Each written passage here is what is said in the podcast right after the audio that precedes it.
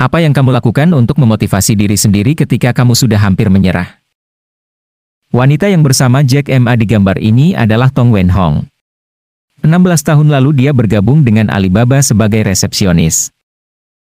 Ketika Jack MA mengalokasikan sahamnya, dia memberi Tong 0,2% sahamnya sambil mengatakan bahwa itu akan bernilai 100 juta ketika Alibaba go public di pasar nanti. Jack MA hanya meminta Tong untuk tetap bertahan di Alibaba.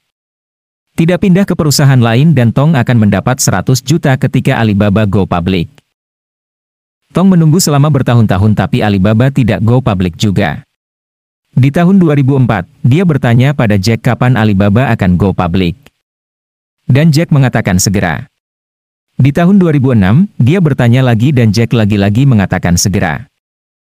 Namun, janji Jack itu tak kunjung datang dan dia tidak mendapatkan 100 jutanya. Ketika Alibaba go public di New York Stock Exchange pada September 2014, itu bernilai 245,7 miliar. Tong, yang dulunya seorang resepsionis senior kini merupakan wakil presiden Alibaba yang menjadi jutawan dari seorang resepsionis dengan nilai 320 juta. Entrepreneurship atau kewirausahaan terdiri dari 16 huruf dan huruf ke-6P adalah singkatan dari C atau kesabaran. Kebanyakan startup berakhir di tahap ke-6 ini dikarenakan kurangnya kesabaran. Setiap kali saya akan menyerah akan mimpi saya, saya membaca cerita ini, jika seorang resepsionis bisa memiliki tingkat kesabaran seperti ini maka seharusnya saya juga bisa. Saya terlahir untuk menjadi wirausaha.